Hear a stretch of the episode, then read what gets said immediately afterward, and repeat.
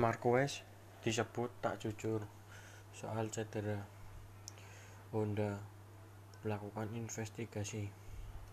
Perkembangan cedera Marc Marquez memasuki babak baru. Honda disebut sedang melakukan investigasi terkait cedera yang dialami oleh juara dunia MotoGP enam kali tersebut. Marc Marquez menderita cedera parah usai mengalami kecelakaan Nikset pada seri pembuka MotoGP 2020 yang digelar di sirkuit Jerez, Spanyol pertengahan Juli tahun lalu. Akibat kecelakaan tersebut, Marquez mengalami retak tulang lengan kanan.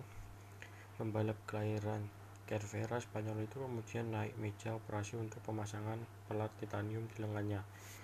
Namun, meski baru saja mengalami kecelakaan hebat, Marquez membuat kejutan dengan kembali pada seri berikutnya yang digelar di tempat yang sama dengan tajuk MotoGP Andalusia.